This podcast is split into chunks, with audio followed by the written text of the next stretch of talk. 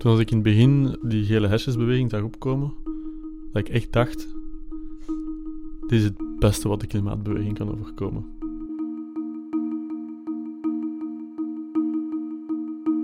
Welkom bij Radio Apache, de podcast van Apache. Mijn naam is nog steeds Jan Walraven, maar voor deze tweede aflevering pakken we het iets anders aan. We zijn namelijk verhuisd naar de studio en hebben drie interessante gasten uitgenodigd. Ik stel ze ook graag aan jullie voor. Uh, we hebben Ikram Kasti te gast van Uit de Marge, het netwerk voor jeugdwerk en beleid met maatschappelijk kwetsbare jongeren. Vanja Verschoren van milieuorganisatie Arbeid en Milieu en tenslotte ook Frank van Aarschot van Fairfin, dat zich inzet voor een faire financiële sector. Met hen praat ik vandaag over waarom en hoe we de klimaatopwarming op een sociaal rechtvaardige manier moeten en kunnen aanpakken. Welkom alle drie en welkom ook luisteraars. Uh, dit is Radio Apache.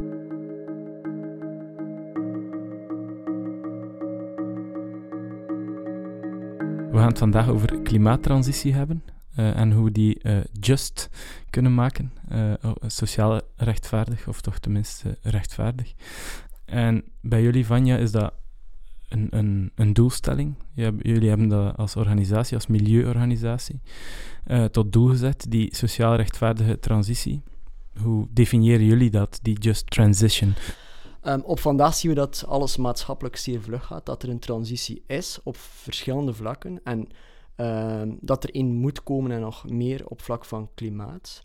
Um, wij geloven heel sterk ook vanuit de vakbond en ook vanuit het internationaal vakverbond, als je daar de mensen in meeneemt en als je daar de gemeenschappen, werknemers in meeneemt, dat je die transitie ook sneller kunt realiseren.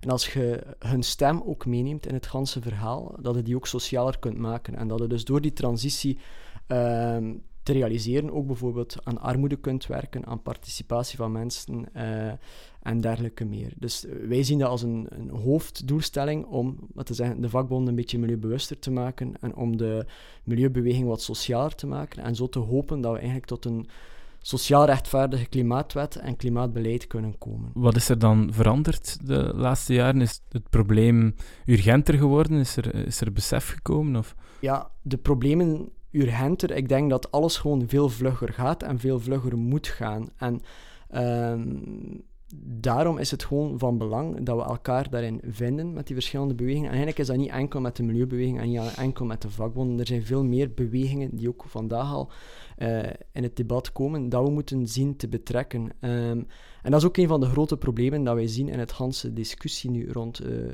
het klimaat en dergelijke meer, dat dat niet gebeurt. Um, en de insteek van een just transition vanuit vakbondskant is eigenlijk, als we in de geschiedenis kijken, als er transities zijn, creëert dat heel veel chaos. Um, en chaos, dat zorgt ervoor dat mensen eigenlijk, vooral mensen in armoede en mensen aan, aan de rand, eigenlijk het slachtoffer zijn. Dus als we nu al zien dat er een transitie nodig is als er een komt, doen we dat best op een goed georganiseerde manier, zover dat we het kunnen. En zorgen we dat we daar goed uitgewerkte processen voor hebben, waarbij dat we iedereen kunnen betrekken om dat te vermijden. Dat is eigenlijk onze doelstelling, om, om dat te gaan realiseren. Dat gaat over sociaal overleg, dat gaat over uh, werknemers met hun omgeving, dus de gemeenschappen daarbij betrekken. Dat gaat over goed onderzoek om te weten waarover we spreken. Want vaak uh, zegt men, ook over, uh, de laatste tijd is het vaak in het nieuws, we gaan de transitie rechtvaardig maken. Maar eigenlijk zit er daar nooit veel inhoud achter. We moeten daar een inhoud uh, aangegeven. Wat, mobiliteitsbudget, hoe kunnen we dat sociaal rechtvaardig maken? Dat, dat moet gewoon bedacht worden. Dus daarvoor hebben we elkaar nodig, wetenschappers, burgers, burgerbewegingen, uh, vakbonden, werkgevers en iedereen. En zo samen aan tafel met een goed georganiseerde methodologie en proces kunnen we tot een goede resultaten komen in die transitie. We zien ja, die klimaatmarsen. Het is nu al de negende week dat de jeugd op uh, straat komt. Uh, die vraagt van politici, doe er iets aan bij Uit de Marges voelen jullie dat, dat veel jongeren daarvan wakker liggen en voelen ze zich betrokken? Of is daar nog wat werk aan de winkel? Ja, wij merken wel dat heel wat jongeren wakker liggen van klimaat. Um, we hebben net een jongerencongres georganiseerd. Dat noemde We Do Give a Shit. En, uh, en de jongeren die dat georganiseerd hebben, een dertigtal jongeren in maatschappelijk kwetsbare situaties, die maatschappelijk kwetsbare situaties leven, hebben klimaat op nummer 1 gezet. Maar ze hebben ook armoede op nummer 2 gezet en wonen op nummer 3. Dat geeft een stuk aan uh, in, in wat voor een context dat, dat, die jongeren leven. Uh, je merkt wel met heel, met heel de klimaatmarsen en de jongeren die op straat komen, dat ze zich aan de ene kant gesteund voelen, omdat, omdat dat net de jongeren zijn die regelmatig actie ook voeren. Maar aan de andere kant ook het gevoel hebben van dat, um, dat het ook nooit over hen gaat. Um, je zag het ook in de media. Um, het ging vooral over middenklasse witte jongeren. En men had dan ook de kritiek van, het zijn vooral die jongeren die op straat komen. Ondertussen dat, dat men de jongeren met wie dat ik dagdagelijks werk, daar niet over bevraagd heeft. Um, en, en dat zien we blijven terugkomen, dat men heel hard over onze jongeren spreekt, daar een bepaalde gedachtegoed rond heeft, maar eigenlijk heel weinig samen met hen. En, um, en daar draait het een stuk om. Ook als we naar sociale rechtvaardigheid willen gaan, gaan we vooral met die jongeren zelf moeten praten. Je ziet um, dat, dat dat nu op de agenda komt te staan, dat men invult voor hen wat dat rechtvaardigheid betekent, wat dat uh, klimaat en armoede linkt met elkaar uh, wat, dat, wat dat in de praktijk moet betekenen, welke oplossingen dat er naar voren moeten worden geschoven. Maar niemand vraagt zich af wat die jongeren zelf daarvan vinden en waar zij wakker van liggen en, en wat dat zij urgent vinden. Ondertussen dat zij de eerste slachtoffers zijn van uh, alles wat met klimaat te maken heeft. Zij zijn degenen die in de wijken wonen waar dat, uh, het, de lucht het meest vervuild is. Um, zij zijn ook degene, sommige ervan, die ook vluchten uit landen die, die, die nu de eerste klappen krijgen van de klimaatverandering. En toch slagen wij er niet in om met hen dat gesprek te voeren. En ik denk dat dat op nummer één moet staan. Als we echt naar een uh, klimaatverandering willen gaan, dat sociaal rechtvaardig is, dan gaan we het samen met hen doen. Het is, het is vanuit mij vooral geen kritiek naar die kinderen en jongeren die elke donderdag op straat komen. Dat is magnifiek. Um, het gaat eerder meer om het systeem dat we bezitten. Dat, um, dat voor onze jongeren een ticket richting uh, Brussel kopen te duur is. Dat onze jongeren geen rechtstreeks uh, kanalen hebben naar de klassieke media. dat als onze jongeren spijbelen, en, en ze spijbelen spijtig genoeg regelmatig om heel wat andere problemen, dat daar geen begrip voor getoond wordt. Ik denk dat dat een stuk met macht te maken heeft.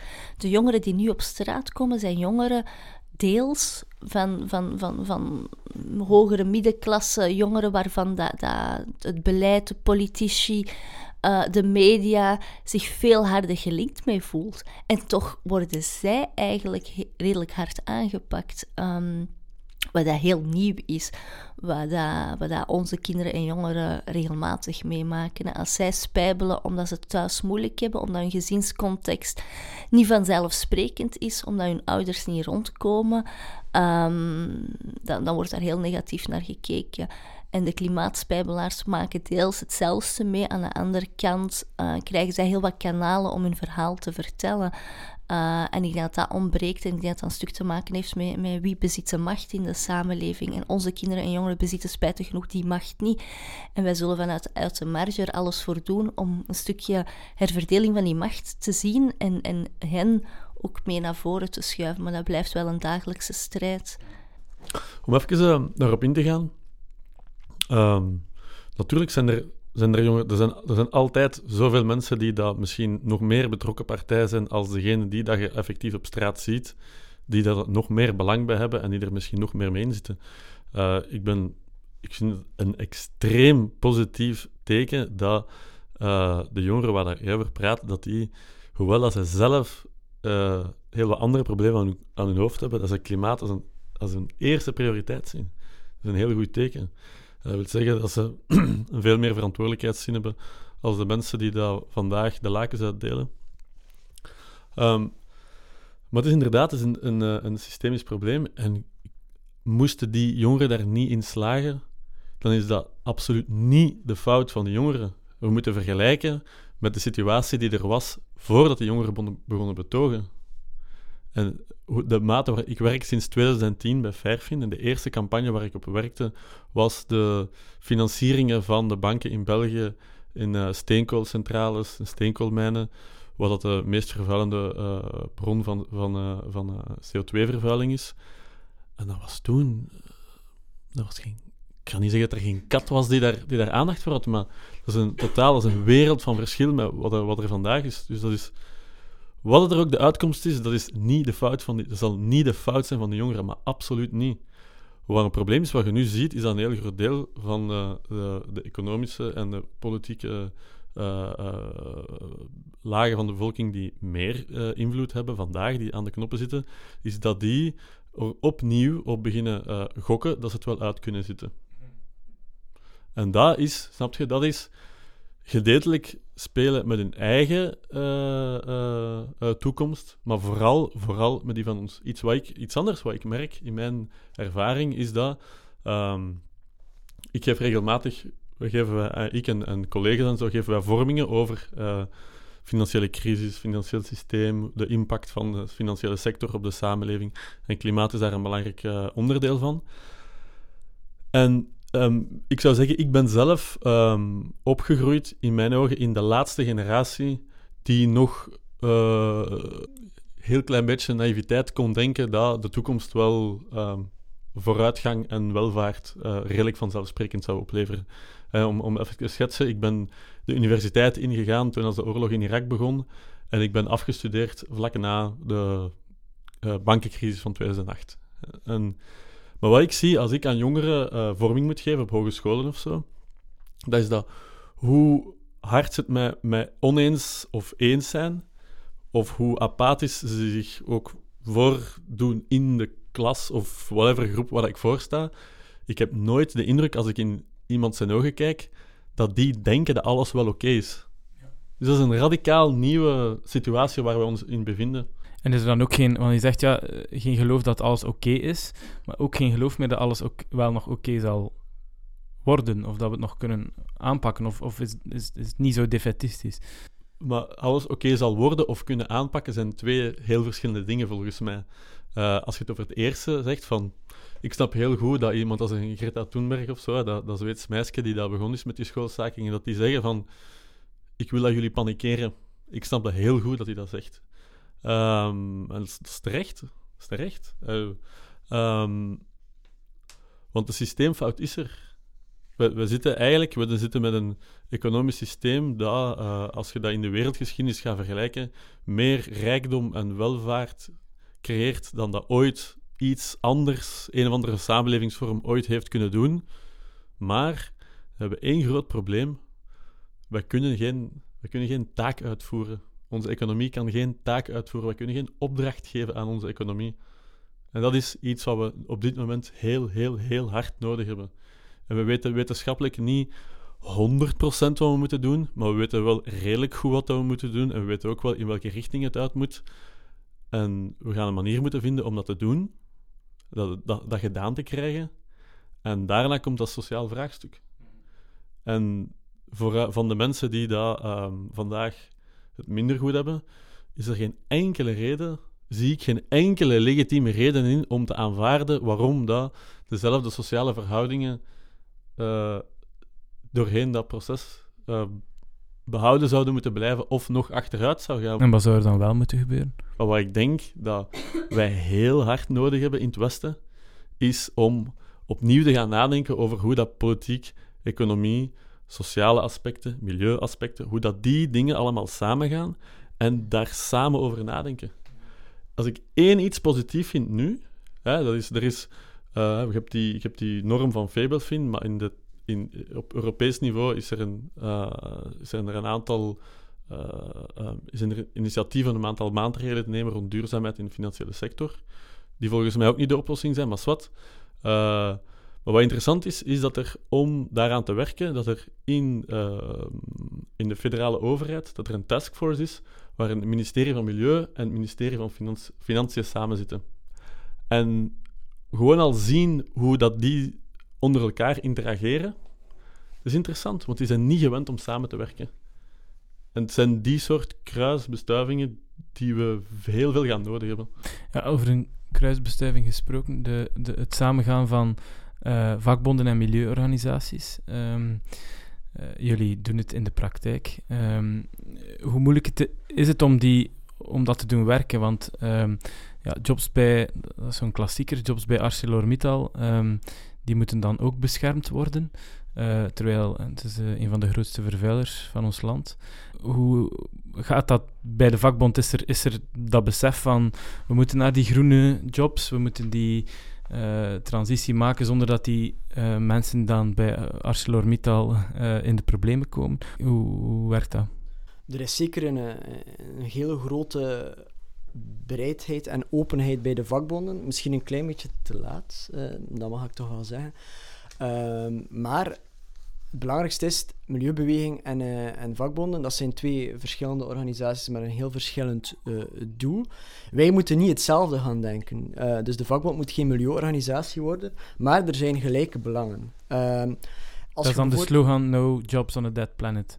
Dat is dan ja, ja, in een slogan gevat, die gelijklopende ja, belangen. Dat is, dat is zo'n one-liner, maar ik bedoel heel concreet ook. Ehm, Iedereen is erover over eens dat bepaalde sectoren gaan moeten verdwijnen of gaan uh, moeten inkrimpen. Uh, je kunt dan als vakbond zeggen van oké, we zijn daar tegen, want die mensen gaan hun job verliezen. Dat is een conservatieve reflex. Of je kunt ook proactief gaan denken van oké, de maatschappij is aan het, uh, aan het veranderen. Hoe kunnen we samen met die mensen, hun gemeenschap en de buurt waarin ze wonen en dat bedrijf, samen met overheid en milieubeweging gaan zoeken naar een toekomst voor die regio.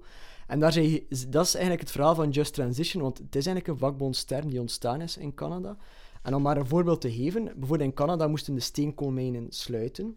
Je kunt dat eenzijdig doen, omdat je zegt van oké, die stoten te veel uit, dat moet hier gedaan zijn. Maar als je ziet dat in die regio er geen werkgelegenheid is, als er geen toekomst is voor die mensen, dan creëer je andere problemen. Dus dan hebben ze dat samen, vakbond, werkgevers, overheid, aangepakt, een fonds, om eigenlijk die gemeenschappen, dus werknemers en hun families, een toekomst te geven en een nieuwe werkgelegenheid. En dat zijn de dingen waar we naartoe moeten. Dus we moeten niet altijd op die symbooldossiers uh, blijven hameren, maar we moeten samen naar oplossingen gaan zoeken. En dat is eigenlijk wat dat Just Transition voor staat, wat wij ook proberen te doen in, in Vlaanderen. Hoe komt het dat we daar misschien een beetje later in zijn? Wij hebben het hier op zich wel goed gehad, economisch. En de hoogdringendheid is niet altijd zo... Uh, doorgedrongen. Terwijl in andere gebieden was die hoogdringendheid daar, ja, als opeens al die steenkoolmijnen sluiten, dan, dan is dat een hoogdringendheid. Ook als we kijken naar de vakbonden bijvoorbeeld in het zuiden, in Afrika, als je daar diezelfde bevraging doet van wat staat er bij jou op prioriteit, dan is klimaat ook heel vaak op één. Waarom? Omdat die nummer twee, die armoede, daar rechtstreeks op inhaakt. Dus het, wij, wij hebben het soms nog wel wat goed, maar dat toont ook wel een beetje een probleem, vind ik, waar we het in het begin over hadden, over ons systeem.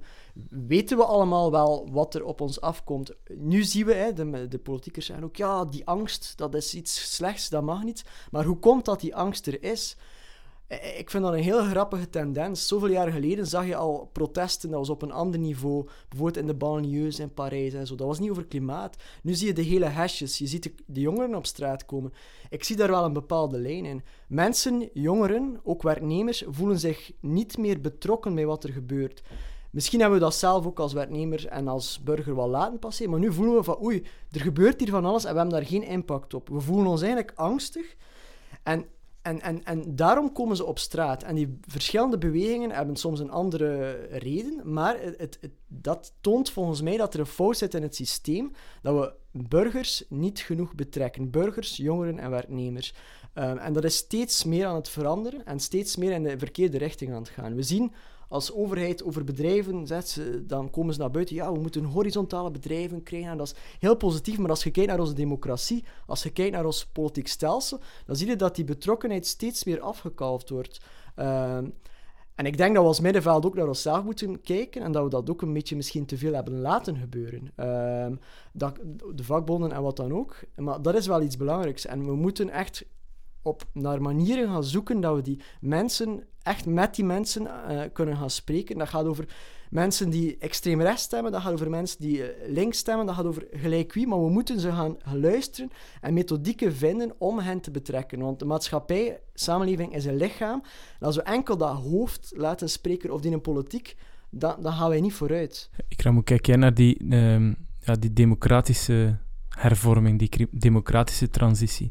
We gaan aan de kant een financiële, economische transitie hebben, maar die um, samenleving, die dat politiek stelsel moet ook volgen. Ja, ja, het zijn twee dingen die, die, die naast elkaar, maar die ook met elkaar te maken hebben.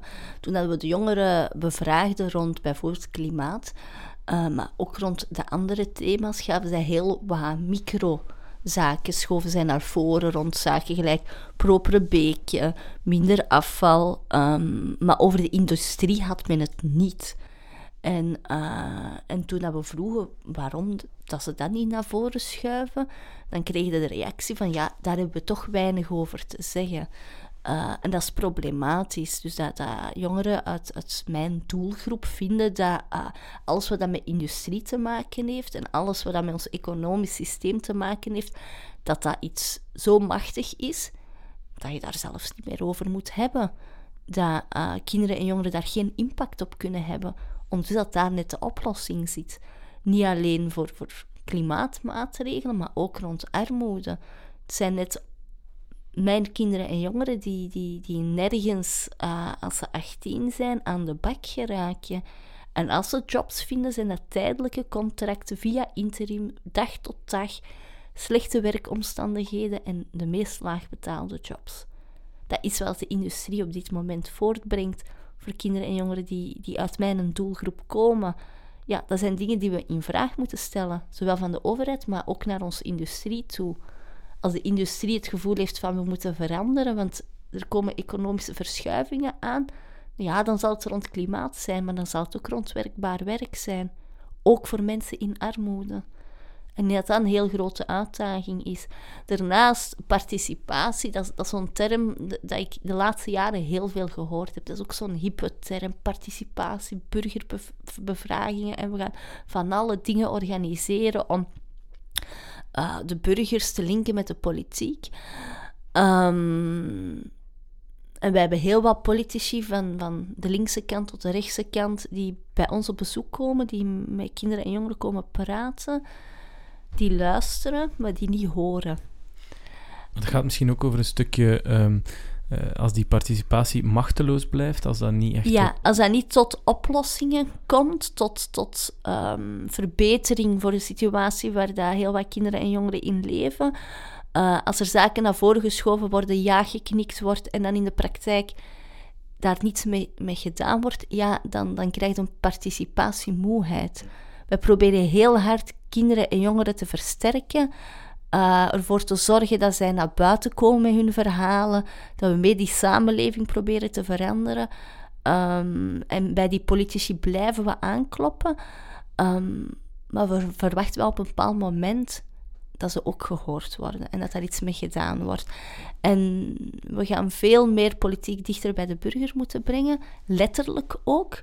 Het is daarmee dat ik geen, geen gigantische fan ben van adviesraden en um, en heel wat online uh, gebeuren dat er regelmatig naar boven komt als er rond participatie te maken heeft. Omdat ik merk dat dat, dat meestal plekken zijn waar dat kinderen en jongeren waarmee dat wij werken, waar dat zij niet terecht kunnen, waar dat ze niet op hun gemak voelen.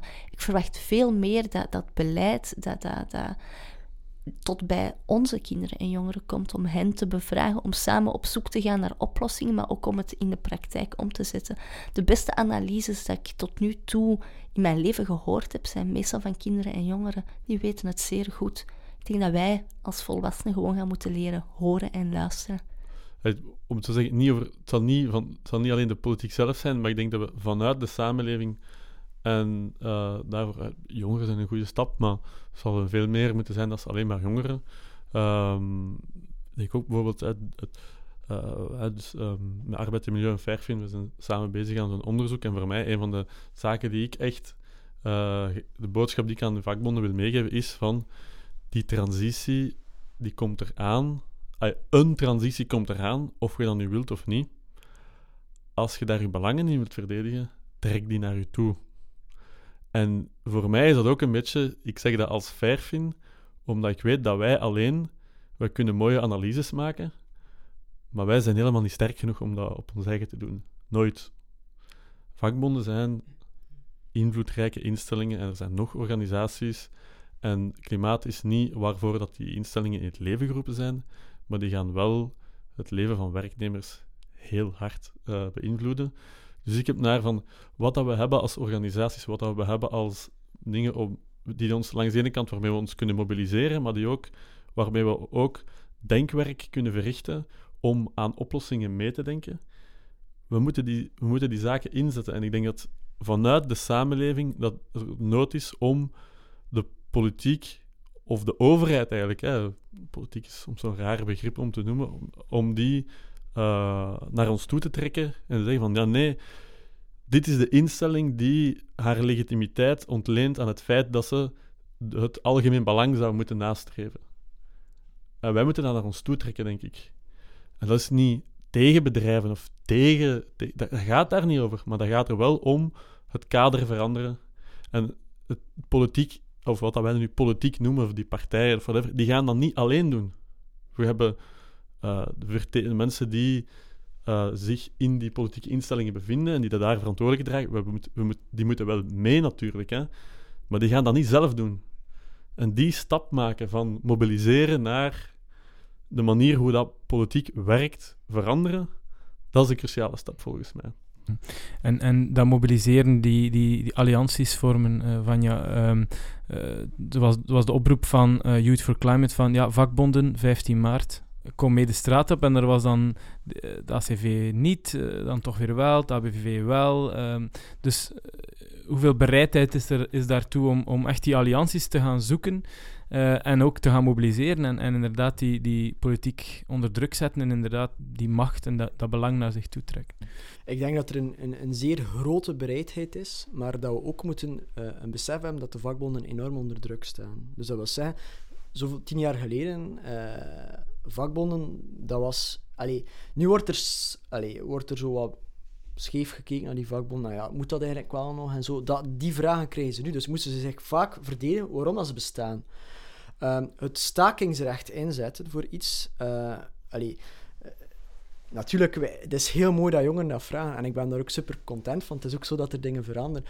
Maar het is de eerste keer, als een wereldprimeur, dat een vakbond effectief een stakingsaanvraag doet voor het klimaat. Dus dat is een, een Belgische primeur. Dus uh, bij ABVV hebben ze de eerste centrale. Dus dat is, dat is niet evident. Dus uh, ook als vakbond moet je heel hard oppassen, van, want je hebt bepaalde dingen die verworven zijn op vlak van sociaal overleg, dat je daar niet uh, zomaar te grabbel gooit. Je moet daar heel goed over nadenken. Dus het mobiliseren en het oproepen tot is zeker een feit. Kan dat nog veel meer door in een communicatie? Zo? Ja, er, er, moet nog veel meer. Maar de stappen die nu gezet zijn, uh, zijn in de voorbije tien jaar nog niet gezet geweest. Dus uh, er is een enorme oproep. Dus uh, er zijn Workers for Climate onder andere. Dat zijn onder andere de jongeren vertegenwoordigers van, van sommige vakbonden. En eigenlijk geëngageerde medewerkers van vakbonden, die eigenlijk ook ja, vanuit diezelfde angst van de jongeren dat opstarten. Er is een oproep nu ook vanuit het middenveld van NGO's en dergelijke meer om ook samen met niet alleen vakbonden op straat te komen. Dus er is een enorme mobilisatiedrang. Het kan wel nog altijd beter, maar we moeten ook vooral gaan kijken van wat dan. Hè? Dus uh, hebt de campagne Sign for My Future, hebt de klimaatmarsen. Er wordt een bepaald mandaat gevraagd aan de overheid van doe nu iets. Hè? Dus, uh, en dat is goed dat we op straat komen, maar waar wij ook echt ons zorgen in maken en ons echt willen op focussen is, en ook samen onder andere met dat onderzoek met Verfen, maar wat betekenen die termen dat we hier scanderen op straat, climate justice, wat betekent dat precies? Hoe gaan we dat inhoud aan geven? En als de politiek dan zegt van kom, dan moeten we wel zorgen dat we een verhaal hebben. Dat we niet zomaar iets zitten te zeggen van ja, ja, ja. Dus we moeten nu echt aan de slag ook om die termen rond mobiliteit, rond onderwijs. Wat betekent dat? Die sociaal rechtvaardige transitie. Hoe gaan we dat gaan vormgeven? Allee, de reden dat wij met verfen dat onderzoek zijn begonnen, is ook een stuk van een bezorgdheid van oei. Iedereen zegt hier die transitie moet er komen, maar niemand is bezig met die financiering. Niemand heeft die investeringen al te gronden gaan berekenen. Wij vinden dat een probleem. Dus daarom zijn wij daarmee aan de slag gaan om te kijken welke good practices zijn er. Wat kunnen we gaan doen, bijvoorbeeld met een publieke bank? Kan Belfius anders ingezet? Welke goede voorbeelden zijn er? Uh, uit het zuiden, rond coöperaties, rond andere rond taxonomie. Uh, het investeringspact, is dat wel iets dat echt zo goed is zoals ze zeggen of niet? ik vind, je kunt voor het milieu opkomen, maar dan moet je ook echt wel zorgen dat, dat, dat dit echt onderzocht wordt. En dat is ook een rol voor het middenveld. Dus dat is iets daarom dat we daarop inzetten. Dus dat mobiliseren is één, en dat is goed, en dat gebeurt. En ik hoop dat dat blijft gebeuren. Maar ten tweede moeten we op de tweede lijn die inhoud echt gaan vormgeven, samen met verschillende partners. Het voorbeeld uit Nederland, waar ze al een stukje verder staan, we gaan daar binnenkort ook een, een lezing over organiseren, is dat blijkt, ja, daar zeiden ze dat ook. En ze, ze gaan onderhandelen voor een klimaatwet. En, en waar loopt het fout? Op, omdat blijkt dat, dat wie gaat betalen, dat de industrie zou wel terug vrijgesteld worden, of hoofdzakelijk, en de kostprijs van al die maatregelen. Want dat, is dan, dat was het laatste stuk. Dus ze hebben eerst alle maatregelen en iedereen is akkoord, en dan wie gaat betalen? En dat was zo. Maar dat zijn eigenlijk fundamentele zaken. Wie, wie moet het betalen? Dit is fundamenteel, omdat als, als je een loon hebt van 1100 euro per maand, dan is die kostprijs dat daarbij komt, is dat enorm. Dus je kunt niet die kostprijs van die verontreiniging doorschuiven naar die, naar die armere gezinnen. Uh, we kunnen zeggen, armere allez, woningen in, in armere buurten die moeten gerenoveerd worden. En dat is dan beter voor de mensen. Maar wie zal die betalen? Eigenlijk is dat een, daar moet er heel goed over nagedacht worden. Want ook met mobiliteitsbudgetten en zo gebeuren er heel veel zaken. En ik wil zeggen, we moeten echt die, nu echt actie gaan ondernemen. Maar we moeten, als we tot de klimaatwet komen, opletten dat we niet gerold worden. Dat wil zeggen dat de grote lobbygroepen, die zijn al klaar met hun plan. Die weten echt perfect wat ze willen. En als wij als middenveld daar niet klaar voor staan om ook studiematig te weten en daarop te wegen, dan kom je tot zo'n situaties. En in Nederland heeft de Milieudefensie, dat is een milieuorganisatie, samen met de vakbond beslist op het laatste moment, wij stappen hieruit. Dit kan niet. Er moet een fonds komen voor die, voor die sectoren waar dat de, de, de werknemers zouden betalen. Het is niet het bedrijf dat zou eh, de dupe zijn, maar de werknemers die erin werken. Er moet daar een fonds voor komen om een toekomst te creëren. We moeten voor de armere huurwoningen, moet de overheid echt gaan inzetten. Zij moeten daar vanuit, een, vanuit die taxen, moeten zij subsidies geven om die armere huurwoningen te gaan renoveren. En niet de huurders die moeten opdraaien. En zo zijn de verschillende zaken. En dat is pas eigenlijk op het laatste dat dat een stuk is uh, naar boven gekomen. En dat is wel een probleem. Wij moeten daaruit leren dat we zorgen dat we niet in die situatie komen. Frank, zie jij die, die financiering? Want dat is um, waar Fairfin zich mee bezighoudt. Financiering van de transitie en hoe kunnen we het financieel beleid, de financiële sector hervormen? Wat moet er gebeuren om, om die transitie op een uh, rechtvaardige manier te gaan financieren? Moeten we naar een CO2-tax? Is dat een goed idee? Moeten we, zoals in Frankrijk, die dieselprijzen uh, verhogen en dan zien we um, uh, dat het land in rep en roer staat? Toen ik in het begin uh, die gele hesjesbeweging zag opkomen, dat ik echt dacht, dit is het beste wat de klimaatbeweging kan overkomen. Omdat nu zal klimaat gaan over het sociale vraagstuk. Het zal ofwel een beweging zijn die daar een sociale doelstelling heeft, ofwel een soort, uh, weet ik veel, ja, elitair project zijn, waar dat grote lagen van de bevolking, hoe hard ze ook geven om het klimaat, weinig boodschap aan hebben.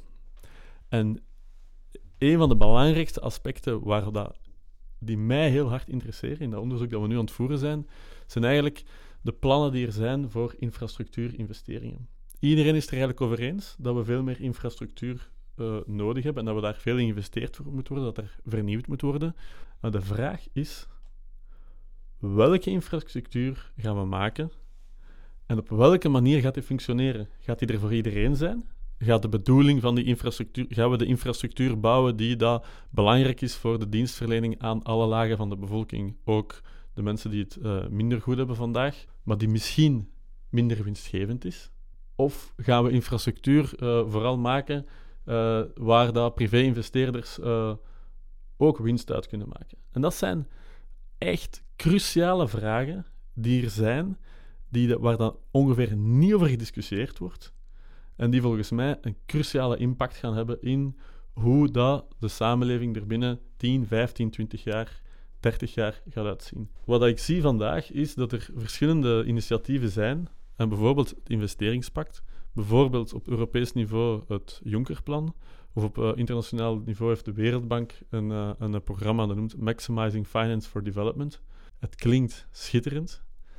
Maar wat ze eigenlijk zeggen, dus dat, eigenlijk, dat zijn allemaal grote investeerders die dat op verschillende manieren eigenlijk naar de overheid stappen en zeggen: Kijk, jullie hebben een rol te spelen. En dit is geen typisch, uh, in de op, op zijn minst niet in de oppervlakkige lezing van neoliberalisme, uh, wat je zou denken. Nee, nee, het is, hier heb je de privé-investeerders die naar de overheid stappen en zeggen: Wij hebben jullie nodig, jullie moeten investeren. Maar op welke manier moeten ze investeren? Zij moeten de voornaamste risico's nemen en zij moeten subsidies geven en zij moeten ervoor zorgen dat de zogezegd schaarse publieke middelen die er zijn, ingezet worden om ervoor te zorgen dat die investeringen rendabel worden voor hun. Op dat moment denk ik nee. Welk aspect van uh, die transitie moet uh, prioritair, prioriteit worden bij die verkiezingen? Wat moet er bovenaan de agenda staan? Wat moet de uh, komende regering als eerste aanpakken? Voor mij wat dat prioritair is, is dat de sterkste schouders de zwaarste lasten dragen. Uh, en dat draait om, ik denk, zoals ik er juist zei, we gaan in twee snelheden moeten werken. Um, en, en dat moeten we daar echt in meenemen. Dat we uh, heel, op heel korte termijn maatregelen nemen die, die mensen in armoede makkelijker maakt. Um, en de koppeling daar ook in maken met klimaat. Dat we op lange termijn gaan zoeken, uh, samen met, met bedrijven, uh, samen met multinationals, hoe dat we dat, het compleet plaatje betaalbaar maken. Um, maar dat eerste is, is denk ik even belangrijk als het tweede. Dat we echt uh, morgen, eigenlijk de dag na de verkiezing, eigenlijk liever vroeger, dat deze tijdelijke regering snel maatregelen neemt om het uh, mensen die nu in precaire omstandigheden leven, om het daar uh, beter voor te maken. Um, en ik denk dat daar dan het draagvlak voor een nieuwe klimaatwet daardoor zal vergroten. dat daar een stuk van afhangt. Voor ons is het vooral prioritair dat in het wetgevend werk dat zal gebeuren na de verkiezingen, um, dat al die verschillende bevolkingsgroepen op een onderbouwde manier worden meegenomen. En dat er naar hen geluisterd wordt. En dat we zo tot een sociaal rechtvaardig plan kunnen komen. Dus dat het niet enkel een plan is van bijvoorbeeld transitie-experts, maar ook samengaan met sociale onderzoekers, maar ook met het middenveld en de mensen zelf. Dus dat is voor mij essentieel.